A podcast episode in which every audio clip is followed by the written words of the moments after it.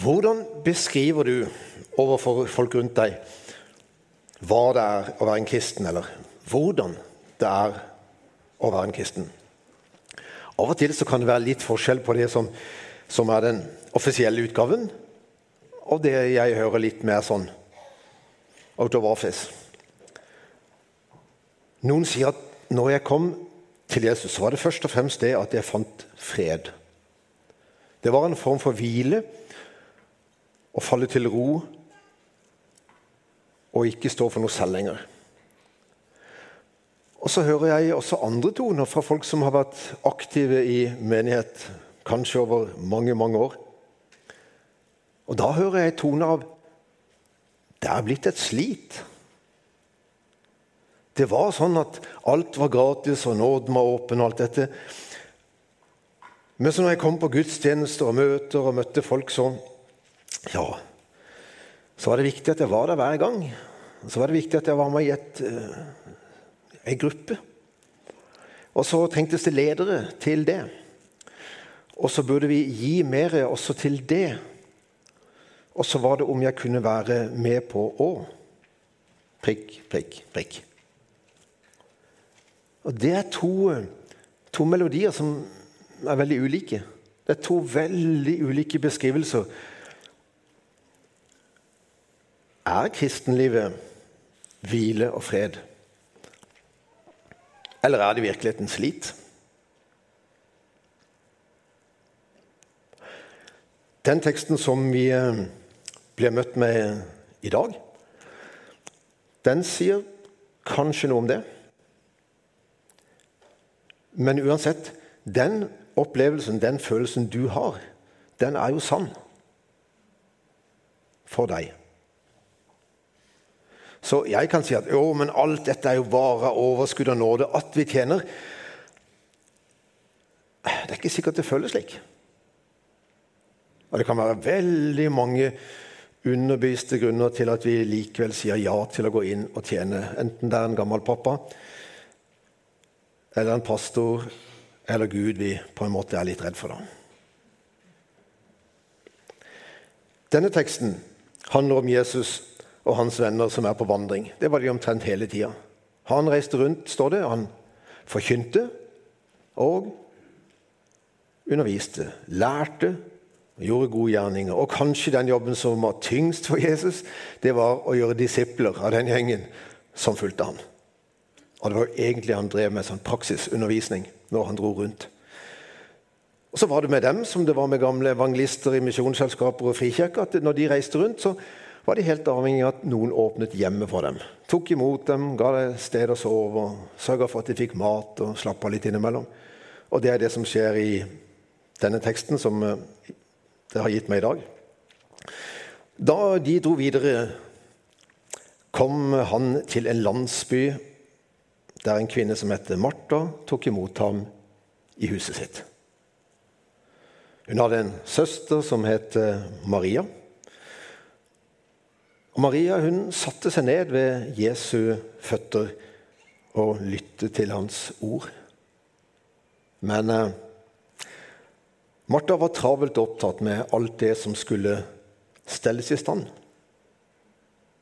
Så kommer hun bort til dem, og hun sa, 'Herre, bryr du deg ikke om at min søster lar meg gjøre alt arbeidet alene?'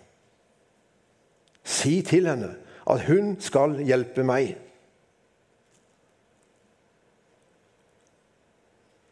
Jeg tror Jesus tok seg litt tid, så på henne og sa, 'Martha, Martha, du gjør deg strev og uro med mange ting, men ett, ett er nødvendig.' Maria har valgt den gode del. Og den skal ikke tas fra henne. Det kunne vært herr og fru Olsen, dette her, egentlig. Gjestene kommer, og litt oftest konemor, som irriterer seg grusomt over at gubben setter seg bare ned og prater med gjestene og har det storstas. Mens hun fortsatt eh, holder på med det som ikke de rakk å gjøre ferdig før folket kom. Arbeidsdeling av hjemmet Ja, her var det jo to søstre. Og de bodde sammen med han vi så her oppe i stad, Lasarus, som var broren. Det var de tre. Martha, Maria og Lasarus. Og Det var en familie som Jesus kjente godt, og som han gikk eh, mye sammen med. De bodde og hadde en egen husholdning. Betania ikke så langt utenfor Jerusalem, så Jesus var innom der ofte når han var oppe til hovedstaden. Og Johannes Håvard sa les den om Lasarus.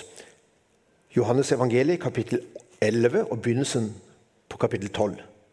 Når dere får litt tid i dag, les den, så får dere hele den fortellingen om, om dette hjemmet og der den broren ble vekket opp. Men Johannes skriver om dem. Jesus var glad i Martha og hennes søster og Lasarus. Den lille korte setningen kommer midt inni. Jesus var glad i Martha og hennes søster og Lasarus. Og så forteller han videre. Så det var et nært forhold her. Og var vel kanskje derfor at eh, Martha også turte å snakke til Jesus om det hun gjorde. Jeg tipper at hun hadde forsøkt å hinte seg søstera si underveis. Med et blikk. Først litt forsiktig, og så litt hardere. Og så liksom kroppsspråket, et forsøk. Og til slutt så er det også så At du rett og slett går bort til Jesus, gjesten, hovedgjesten, og ber hovedgjesten få hjelp til at søsteren skal skjerpe seg. Jeg, ganske, drar den ganske langt. Og Så hører vi ikke noe mer om hva Jesus tenkte i den situasjonen, men det er i hvert fall tydelig at han, han er glad i dem begge. Og Så forsøker han å snakke med omsorg og kjærlighet. Og så sier han men dere har begge to valgt noe.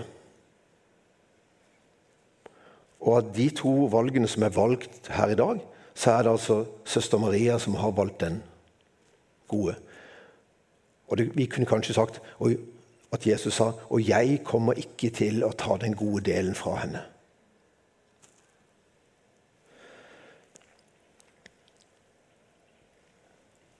Jesus gir altså ikke støtte. Jeg, jeg skulle gitt mye for å, å vite litt om hva Martha kjente i den situasjonen der. Først har irritert seg skikkelig, så trukket seg opp, og så gått til Jesus. Og så får hun altså ingen trøst fra Jesus. Det er som om han liksom, alvor i dette her bare henger og dirrer i lufta. Martha, du hadde et valg. Alle har et valg. Men Maria er den i dag som har tatt det rette valget. Og Av og til så er det slik at det er så mange gode ting som kan gjøres, skulle gjøres, burde ha vært gjort, kan bli gjort, at vi setter i gang med et stort kav. Og vi har hatt for mange i våre menigheter som har fått travle liv. Som har fått liv som har på en måte slitt dem ut som har gjort at de de kjenner mer på slitenheten og hvorfor jeg skal jobbe så mye, når andre i menigheten bare kommer på gudstjenesten og slapper av. At det blir småbitterhet. Og at en ikke lenger klarer å se på de andre med kjærlighet. Så sier jo ikke Jesus at han ikke trenger hvile eller trenger mat eller et sted å sove. Så alt det Martha gjør, er ting Jesus trenger. Men her har de to tingene satt seg opp mot hverandre. Tjeneste eller stillhet med Jesus. Og Det er i møte med disse to kontrastene som Jesus vil at du og jeg ikke skal være i tvil om valget. Om hva som er den gode del, den viktigste del. For det, det, er så mange ting som er viktige, og det er mange, så mange ting som er gode. Men vi må velge mellom dem. Og så er spørsmålet hvilke stemmer er det vi følger når vi velger det ene eller det andre.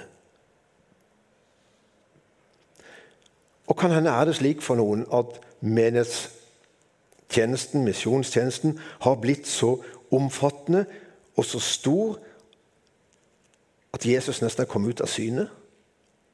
At det ikke blir liksom samvær med Jesus som driver oss lenger. Men det blir en slags ah, gammel rutine, pliktfølelse, skyldfølelse for noen, som gjør at de fortsetter og fortsetter. Og Da begynner vi å se skrått på andre folk. Men vi, vi, hvis vi skal være ærlige, så er det for de færreste av oss menighetslivet eller tjenesten i menigheten som gjør oss slitne. Hva er det som Ja, det var en som sa jo, det er så mye som tar tiden min. Eh, så spurte jeg men tar tida di. Er de oppi lomma di? Eller altså, hvem er de som kommer og tar tiden din? Nei, nei, selvfølgelig er det ikke sånn ment. da. Nei, hvem er det du gir tiden din til? Jeg har ikke tid, sier folk. Visst har du tid. Hvis ikke du er skapt veldig annerledes enn meg, så har du ca. 24 timer i døgnet. Og du bestemmer hvordan du vil bruke dem. Det er litt samme som du sier å, ja, men de har, Nei, han eller hun har sånn makt over meg. Nei, det er ingen som har makt over deg. Du gir mennesker makt. Du gir mennesker tid, du gir mennesker oppmerksomhet. Og dem som har sittet og, og, og sett på statistikken og ser en gjennomsnittlig iPhone-bruker Hvor mange ganger den telefonen er berøringa av sin bruker i løpet av ett døgn? Vet noe om hva vi gir tiden til. Og Enten vi sitter foran en liten skjerm eller den store skjermen, om det er nyheter, om det er Netflix, om det er bare mobilen med alt mulig, om det er Facebooken, om det er Twitteren, om det er Instaen Alt dette gir vi tid. Og alt suger oppmerksomhet og krefter. Og det er ikke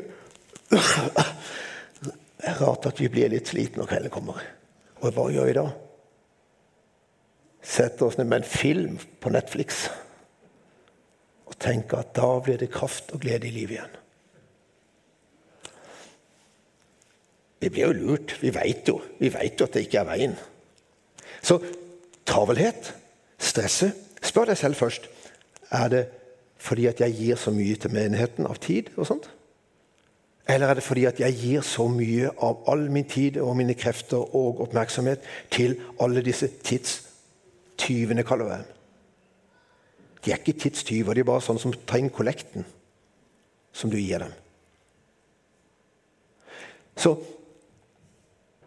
vi skal være oppmerksom på er det blitt slik at en tjeneste for og med Jesus er det som gjør at vi blir utslitt og små bitre?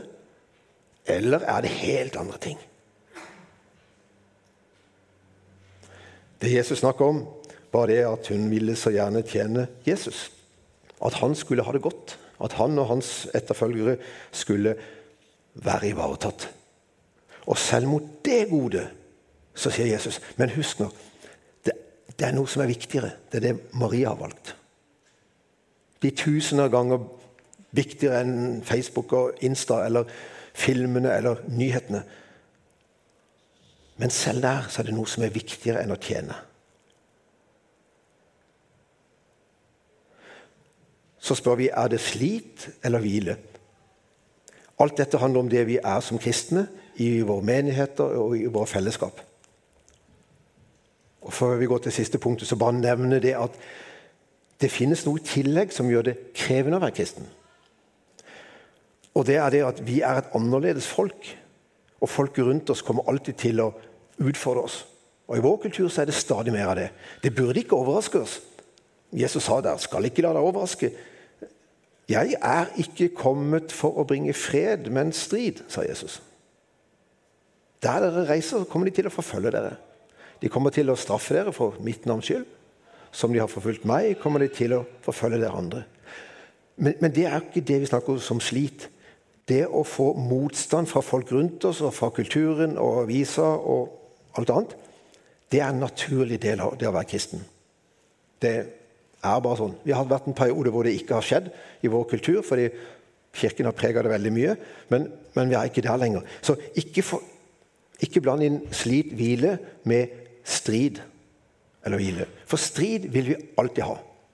Den onde vil alltid være ute på jobb og alltid forsøke å gjøre slik at han skremmer oss. Men det er noe annet enn at vi blir utslitt fordi vi gir tiden til. Paulus forteller jo et liv hvor han ble slitt med alt. Han var trua på livet, han holdt på å omkomme på sjøen. Han sulta, hadde ikke det han trengte. Og summerer det opp at alt det makter jeg i ham som gjør meg sterk. Så det er det som er utafor. Det er ikke det vi snakker nå. Nå snakker vi om tjeneste og hvile. Martha og Maria og Jesus. Du har sikkert hørt teksten ufattelig mange ganger. Spørsmålet er hva utfordrer deg i dag? For når, når vi tar ordene herifra, så er det jo ikke Øyvind eller Jan Inge som ønsker å være framme og si noe. Vi ønsker å være sånn kanaler som gjør at Den hellige ånd kan minne dere på hva var det Gud ville snakke med deg og meg om denne søndagen. Så hva er det som utfordrer i dag? Er tjenesten i menigheten blitt slik at du ikke lenger gjør det med en motivasjon hos Jesus? Er det blitt slik at du kjenner på denne at eh, nå får det snart være nok? Jeg har stått på i så mange år, jeg har gjort så mange ting. Da tar du en stopp. Og så går du fra denne kjøkkenjobben eller hva du holder på med for noe i menigheten, og så sier du at 'Jesus, nå er jeg på et punkt hvor jeg kjenner at det, nå gjør jeg det ikke engang for deg'. Og så setter vi oss ned ved Jesu føtter, og så forteller vi akkurat hvordan vi har det. Og så lar vi han få snakke til oss om hvordan det var han hadde tenkt det. Og kan hende når du har hatt så mye å gjøre i menigheten, og så tar en break og så setter deg ned med han, så sier han ha, endelig har jeg venta for lenge. Og så får vi lov til å la han tale, snakke til oss. Og Så Husk at det er liksom to litt forskjellige ting å sette seg ned og snakke til Jesus, og det er å lytte til Jesus. Han taler primært til oss gjennom sitt ord. Og så kan han tale til oss gjennom andre mennesker som taler som Guds ord. Så kan han komme til oss i kunnskapsord eller profetier eller på andre måter hvor vi kjenner igjen Guds ord i det som profeteres. Og når han har talt, så kan vi svare han tilbake med det vi har på hjertet. Kanskje er vi litt mer sånn at når Jesus kommer inn døra, Martha holder på, vi er Maria, så har vi egentlig ikke tid til å sitte og lytte til Jesus. Fordi vi har så mye vi skulle snakke om. Om alle problemene våre og alt det vi skulle ha gjort. Og hvordan vi har det. Det får vi lov til. Men kanskje det Jesus snakker om her, er å sette seg ned og lytte til Hans ord. Det kan vi gjøre på søndagsgudstjenester, på søndagsskolen, i husfellesskap og forskjellig. Det kan vi gjøre på masse som ligger ute på nett. Mange gode steder med mye bibelundervisning og forkynnelse. Og vi kan gjøre det der vi er. For min del så er, det, så er dette hjelp. Jeg bruker Logos, som er en sånn en. Noen av dere bruker Andagsbokselskapet sin. Men bare den der opplevelsen, og så slår den opp igjen, og så Søndag Oi, oi. Jeg har sikkert kommet lenger enn til torsdag. Der glapp jeg litt. Og så får jeg jobbe videre derifra. Det å ha noe som hjelper deg, og som gir noen kommentarer, som gir deg en føring på hvor du leser, slik at du kan ta inn mest mulig av Guds ord.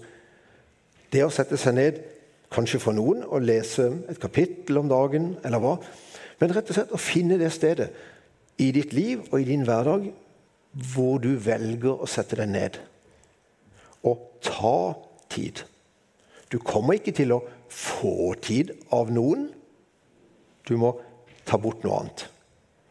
Og noen sier ja, nå skal jeg prioritere mer å lese Guds ord daglig. Så sier jeg så flott, men jeg var mer spent på hva var det du ikke skal gjøre. Altså, hva du skal slutte med for å få tid. For alle kan vi legge på mer på toppen av det vi skulle ha gjort. Men hvor er det vi skal rydde bort noe for at vi skal få det rommet som vi skulle ha sammen med Jesus? Ved Jesu føtter, som det heter både i teksten og har kommet i noen sanger etter den tid. Kristenlivet starter alltid med at Gud taler til oss. Og han har mer jeg skulle sagt. Og så starter dialogen. Jesus taler, vi svarer. Og der, ved Jesu føtter, er det kjærligheten til Gud og mennesker skapes. Og når den skapes, så kan det hende at så går vi frimodig til tjenesten din, I ly av din utstrakte arm. Men da går vi fordi Jesus har snakka til oss. Og vi, har, vi, får lyst til å gjøre noe for ham, men aldri bort ifra de stille stundene med Jesus. Herre, du vet hvordan vårt samfunn er blitt, og du vet hvor mye vi har som forsøker å få vår oppmerksomhet. Alt det digitale og alle de digitale flatene, alt det som er foran øynene, det som kommer inn til oss. Så ser du at vi klarer så vanskelig å rydde unna. Og så blir det den ondes verktøy av og til til å holde oss borte fra stillhet med deg. Nå ber vi deg, Hellige Ånd, kom og pek konkret i livene til den enkelte av oss på hvor du ser at vi skal rydde plassen. Så vi får sitte ved dine føtter og høre hva du vil oss, og vi får lette våre hjerter for deg. Herre, gjør det under at vi får rydde plass i våre liv, og vi får velge den gode del hos deg. Amen.